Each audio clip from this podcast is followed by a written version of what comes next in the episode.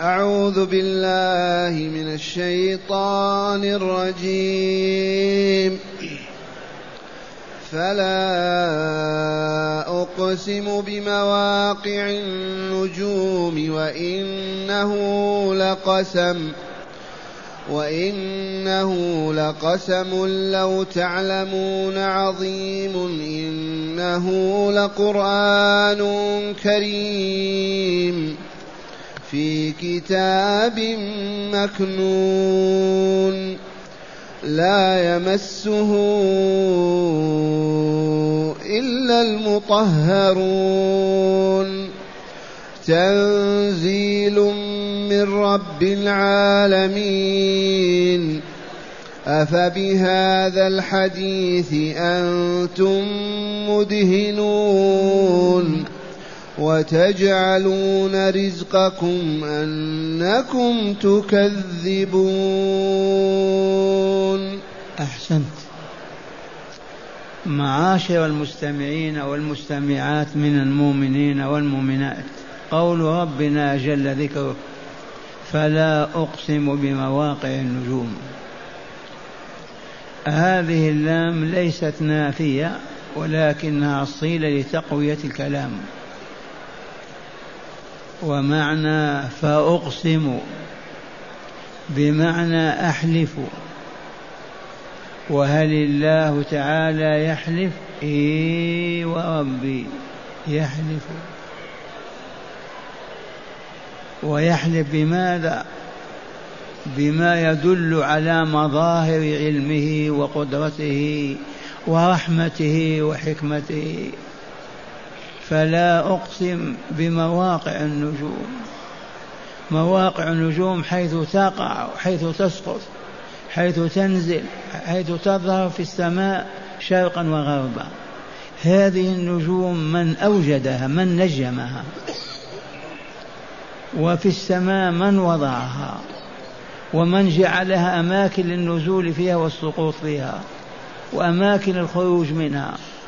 من يفعل هذا؟ من القادر على هذا؟ لا أحد إلا الله. مظهر من مظاهر علمه وقدرته ورحمته. وفوائد النجوم وثمارها على بني آدم عظيمة.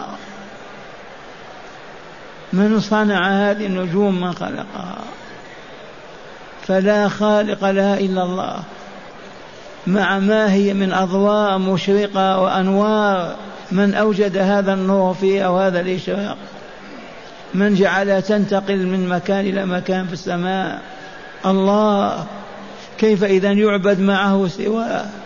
كيف يوصف بصفات العجز والنقص؟ فيوصف بالولد والزوجة وما إلى ذلك مما عليه الكفر والكافرون. فلا أقسم بمواقع النجوم. وإنه لقسم والله لو تعلمون عظيم. كما قلت لكم قسم عظيم. معشر المستمعين والمستمعات نقول لله تعالى أن يقسم بما يشاء أن يحلف بما يشاء.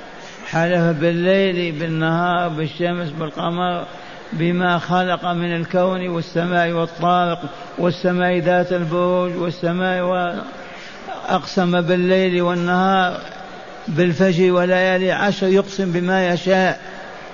أما نحن عبيده فوالله لا يحل لنا ولا يجوز لأحدنا أن يقسم بغير الله. فوالله على المنبر. الرسول الكريم صلى الله عليه وسلم قائم يخطب الناس وهو يقول ألا إن الله ورسوله ينهيانكم أن تحلفوا بآبائكم ومن كان حالفا فليحلف بالله أو ليصمت ولما انتشر الجهل بين المسلمين وعم البلاد الإسلامية لموت العلماء أصبحت العامة تقسم بكل شيء.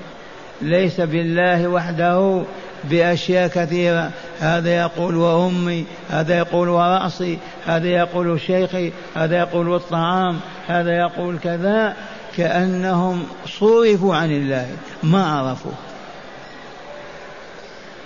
فالله عز وجل يقسم بما يشاء وإقسامه يدل على ذلك المقسم عليه على أنه آية ظاهرة تدل على وجود الله على علمه على قدرته على حكمته على رحمته.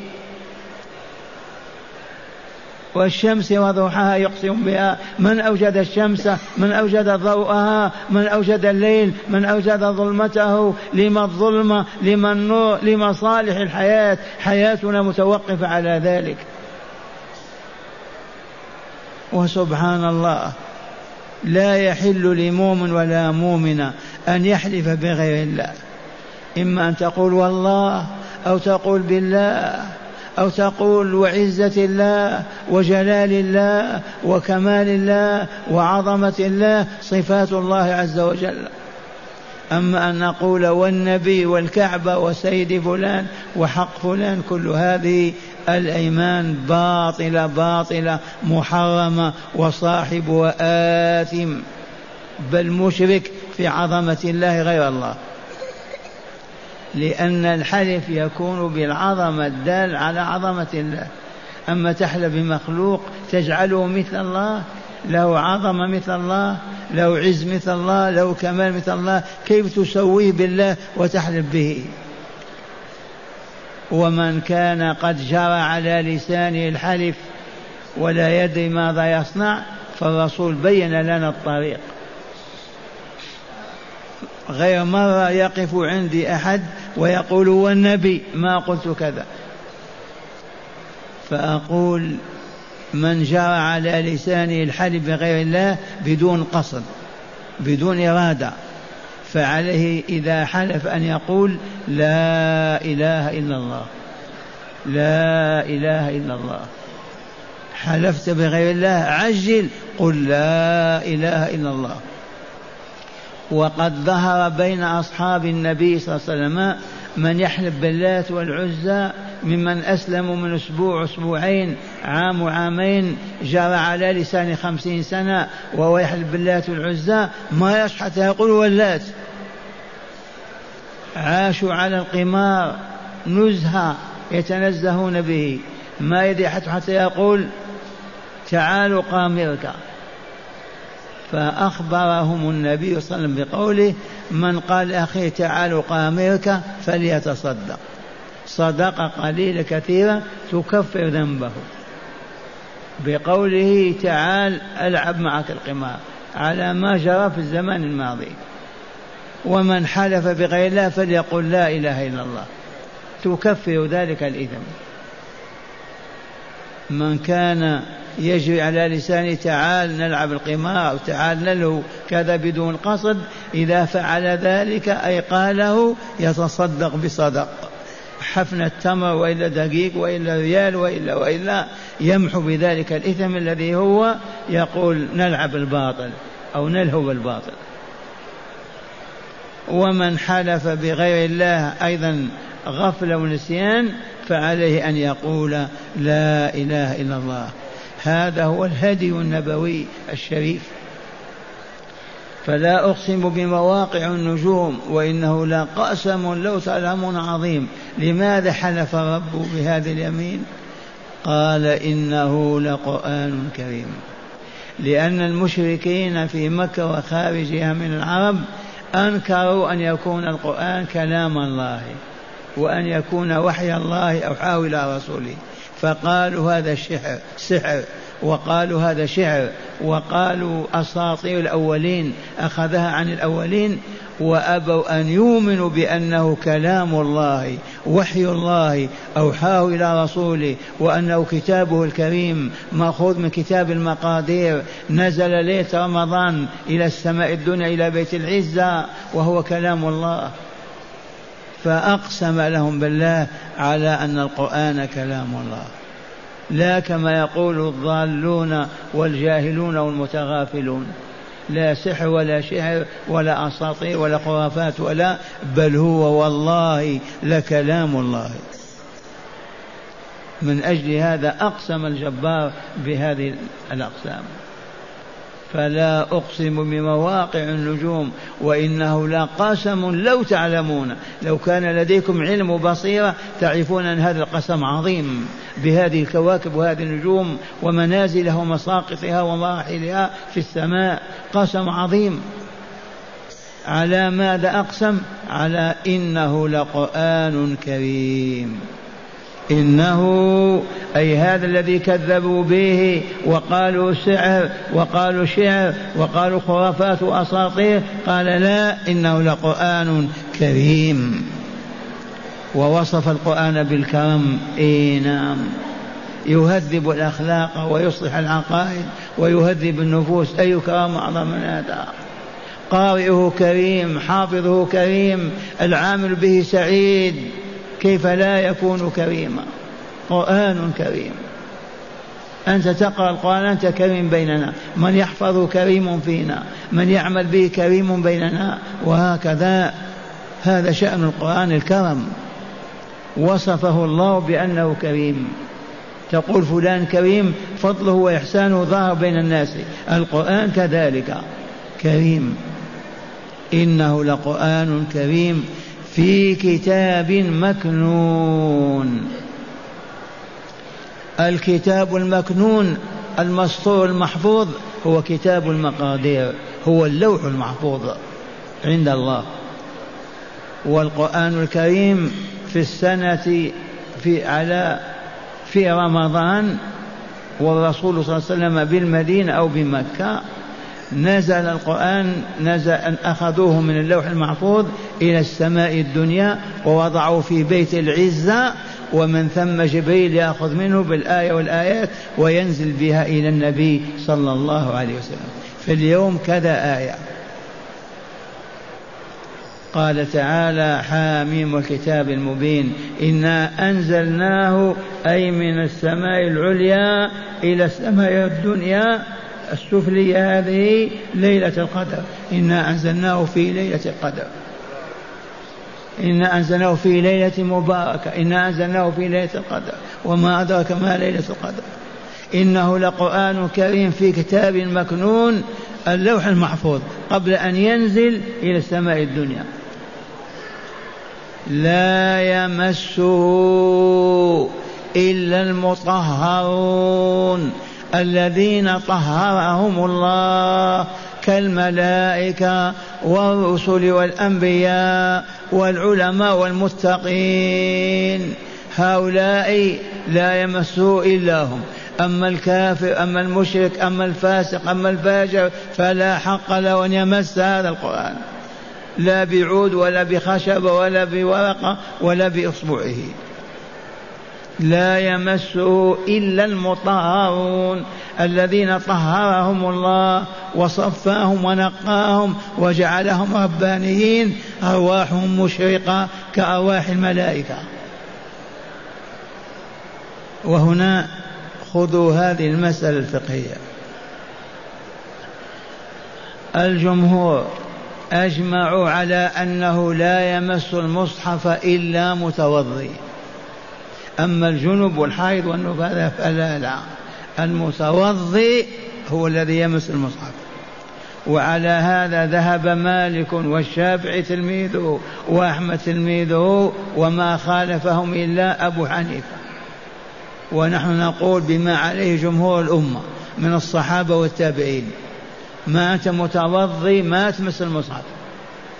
توضأ وتعال خذ المصحف واقرأ فيه. أو أطلب الصور التي تريدها أو لا. ما يمنعك أن تتوضأ. وإن كنت متوضئا فبذاك. ما أنت متوضئ وأردت أن تتناول المصحف توضأ. كما تتوضأ للصلاة كما تتوضأ للطواف. هل هناك من يصلي بدون وضوء؟ هل هناك من يطوف بدون وضوء؟ الجواب لا لا. إذا فكذلك كتاب الله. إذا كنت غير متوضئ لا تمسه لا بأصبع ولا بعود ولا ولا. اللهم إلا إذا كان مجزأ ما هو كتاب الله الكريم؟ أو كان فيه التفسير في كلام الغير في هذه الحالة لك أن تمسه. جزء منه أجزاء ربع نصف لا بأس. أما الكتاب كامله لأن الله قال وإنه لكتاب لا يمسه أي هذا الكتاب إلا المطهرون أي المتوضئون. أولا كما علمتم المطهرون منهم من طهرهم الله وإلا لا من هم أولا؟ الملائكة جبريل والملائكة.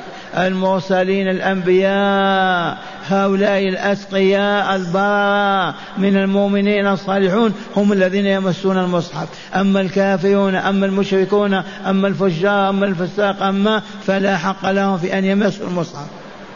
والمسلمون المؤمنون المطهرون بإيمانهم وصالح أعمالهم أيضا بين لهم الشارع أنهم لا يمسوه إلا على طهر. إلا على وضوء.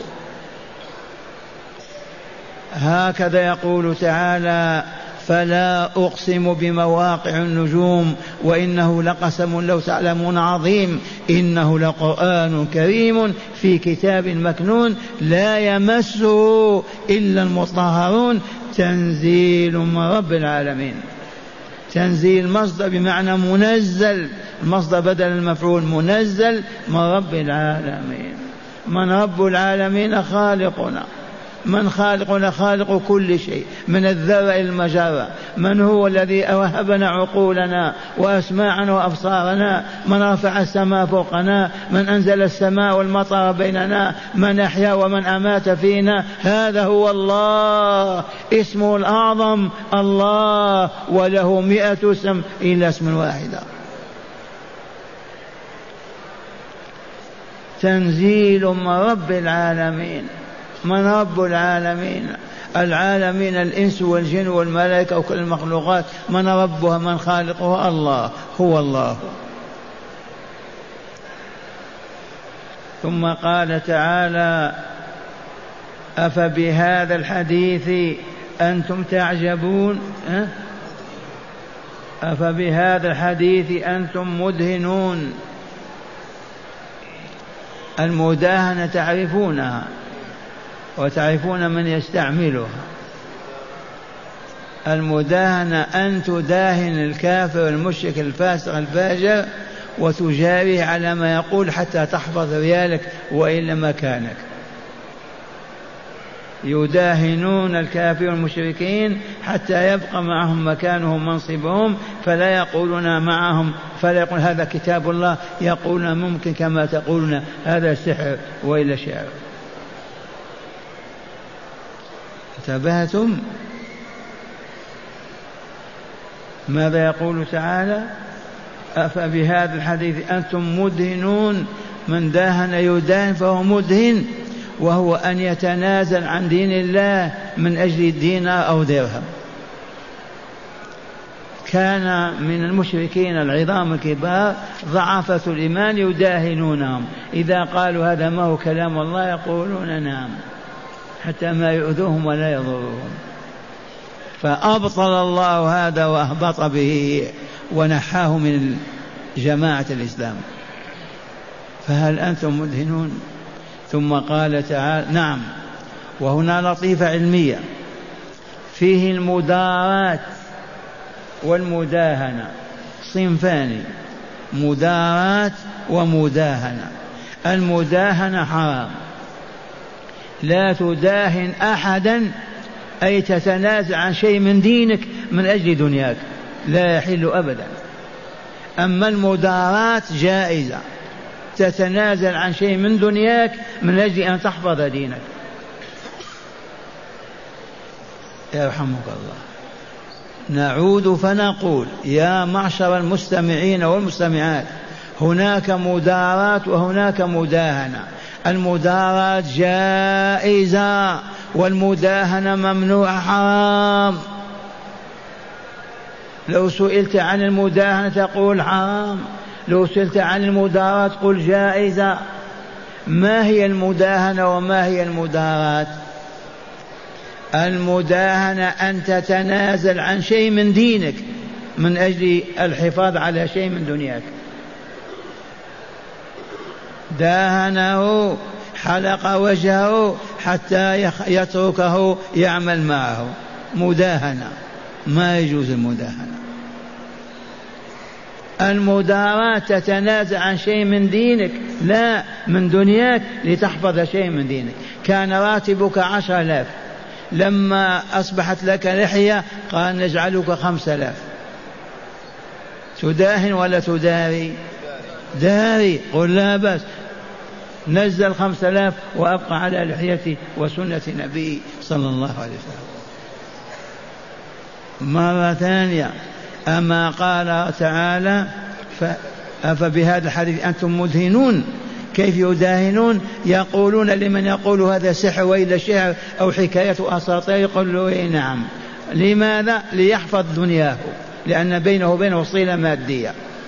رأى هذا وعلمه الله فقال ونحن بيننا هذا أيضا. فنقول لا تتنازل عن شيء من دينك لتحفظ شيء من دنياك. لا راتبك ولا مالك ولا منصبك ولا وظيفتك. أبدا. أما المداراة تفضل. داري. تنازل عن شيء من دنياك لتحفظ شيئا من دينك. كما قلت لكم راتب عشر آلاف. قالوا له مرأتك محجوبة يجب أن تخرج. لحيتك محلوقة لحيتك موجودة. إما أن تتنازع عن هذه الصفات التي ما تتلائم معنا وإلا ننزل براتبك. قل نزل راتبي من عشر إلى خمسة إلى أربعة. ونبقى حافظا لديني. هذا معنى المداهنة التي حرمها الله. أما المداراة أجازها النبي صلى الله عليه وسلم. دارهم ما دمت فيهم. جاري هذا اللسان دارهم ما دمت فيهم. كيف تدارهم؟ يعني تتنازع عن حقك المالي كذا تعبك ولا تبالي بذلك حفاظا لدينك حتى تخرج منهم من قريتهم أو من وظيفتهم دارهم ما دمت فيهم. هل فهم السامعون هذا؟ عرفتم المداهنة حرام ولا لا؟ والمداراة جائزة ولا لا؟ جائزة. ما الفرق بين المداهنة والمداراة؟ المداهنة تتنازع عن بعض الدين. عن شيء من دينك لتحفظ شيء من دنياك. هذا حرام. فهل نتم المداراة تتنازع عن شيء من دنياك عن راتبك. كذا من أجل أن تحفظ دينك وخير لك ذلك. هكذا يقول تعالى أفبهذا الحديث أي هذا القرآن الكريم المنزل على رسولنا من سبع سماوات من الكتاب المبين من من من بيت العزة في في سماء الدنيا. أفبهذا الحديث أنتم مدهنون وتجعلون رزقكم أنكم تكذبون. ما معنى هذا؟ إذا أمطروا وسقاهم الله عز وجل. المفروض يقولون الحمد لله وإلا لا الشكر لله ربنا لك الحمد هذا سقي الله هذا من الله هذا من الله. يقول نوع كذا مطرنا بنوع كذا. بدل ما يحمد الله ويشكره يقول مطرنا بنوع كذا. وعندهم كواكب يسمونها أنواع تمطر بها السماء. فعابهم تعالى ووبخهم وأدبهم. إذ قال تعالى وتجعلون رزقكم. أي شكر شكركم على نعمة الله. تجعلونه أنه أنكم تكذبون أنكم تكذبون. مرة ثانية من قال معطينا بفضل الله ورحمته. هكذا يعلنه أبو هريرة. من قال مطرنا سقينا بفضل الله ورحمته فهو مؤمن. ومن قال مطرنا وسقينا بنوع كذا فهو كافر. على كل قد يوجد في بعض البلاد الإسلامية من يقول المطر نوع كذا أو كذا. كوكب كذا وكذا. لا يحل أبدا أن تقول هذا. مطرنا بفضل الله ورحمته. لا بوجود الكوكب الفلاني ولا الوقت الفلاني ولا ولا الخريف ولا الشتاء. مطرنا بفضل الله ورحمته حتى نشكر الله تعالى. أما نقول موطئنا بكذا وسقينا بكذا ولا نقول من الله فلا نشكر الله والعياذ بالله تعالى. هكذا يقول تعالى وتجعلون رزقكم أي شكر رزقكم أنكم تكذبون ولا تقولون أمطرنا الله ولا سقانا الله ولا الله الذي أغاثنا ولكن يقولون مطر كذا ونوء كذا وكذا. وهذه الظاهرة قد توجد في بعض الناس. يقولون هذا مطر الصيف أو الخريف أو الشتاء أو هذا فصل المطر وهذا كله لا يجوز أن تقول بل قل هذا فضل الله هذا رحمة الله والحمد لله. والآن مع هداية الآيات.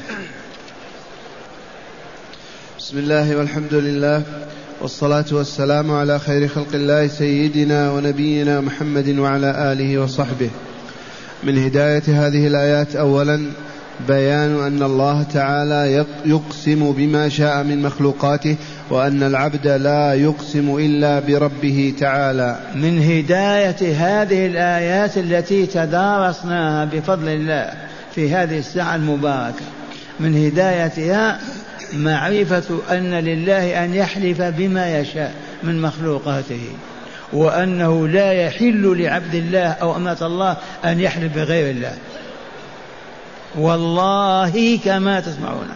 ومن تعاند وقال نحن بسيد فلان أشرك بالله والعياذ بالله وهو من المشركين.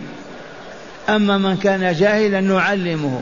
أما من عرف أنه لا يحل للمؤمن أن يحلف بغير الله ويقول أنا أحلف بفلان وسيد فلان والله أشرك. أشرك في عظمة الله. فالذي يحلف بما يشاء الله فقط لا رسول ولا ملك ولا ولا. وأما المخلوقات من الأنبياء والمرسلين وعامة الناس يحلفون بالله. وهذا الرسول صلى الله عليه وسلم كان يقول بالله تعالى. نعم. ثانيا تقرير الوحي الإلهي وإثبات النبوة المحمدية وأن القرآن الكريم منزل من عند الله تعالى. من هداية هذه الآيات تقرير النبوة المحمدية. فلو لم يكن رسول الله نبي الله ورسوله كيف ينزل عليه هذا القرآن؟ لما ما نزل علينا نحن؟ لما ما نزل عن الصديق ولا عن عمر ولا فلان؟ فنزول القرآن على النبي صلى الله عليه وسلم آية نبوته دليل وحجة أنه رسول الله. ففي الآية تقرير نبوة الرسول وأنه حقا والله نبي الله ورسوله. كيف ذلك؟ القرآن نزل على من؟ على محمد إذا فهو رسول الله ونبي الله. نعم. ثالثا وجوب صيانة القرآن الكريم وحرمة مسه على غير طهارة. من هداية هذه الآيات كما سمعتم وجوب تعظيم القرآن. وجوب تعظيم القرآن وحرمة إهانته بأي صورة من صور الإهانة. لا بالكلام ولا بالعمل. ومن ذلك ومن ذلك تلك الإهانة أن تكون جنبا أو تكون حائضة أو وسخ وتمس القرآن. فلا يمس إلا المطهرون تعظيم للقرآن وإلا لا؟ وكيف لا؟ وهو كلام الله الذي تكلم به وأنزله. كيف لا يعظم ولا يبجى ولا يرجب فلا يحل لمؤمن أبدا أن يمس كتاب الله إلا وهو من الطاهرين المطهرين. نعم. وأخيرا حرمة المداهنة في دين الله تعالى وهي أن يتنازل عن شيء من الدين ليحفظ شيئا من دنياه. والمداراة جائزة وهي أن يتنازل عن شيء من دنياه ليحفظ شيئا من دينه. من هداية هذه الآيات حرمة المداهنة. وهي أن تتنازل عن شيء من دينك من أجل الحفاظ على دنياك.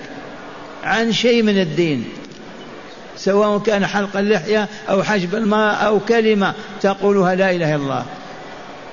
تنازلك عن شيء من دينك من أجل أن تحفظ شيء من دينك هذه هي المداهنة التي حرمها الله في هذه الآية الكريمة. أما المداراة كما علمتم تجوز. تتنازل عن شيء من دنياك لتحفظ شيء من دينك. فلا حرج. شرف لك وكمال وترضى ويرضى الله بك ويرضى عنك.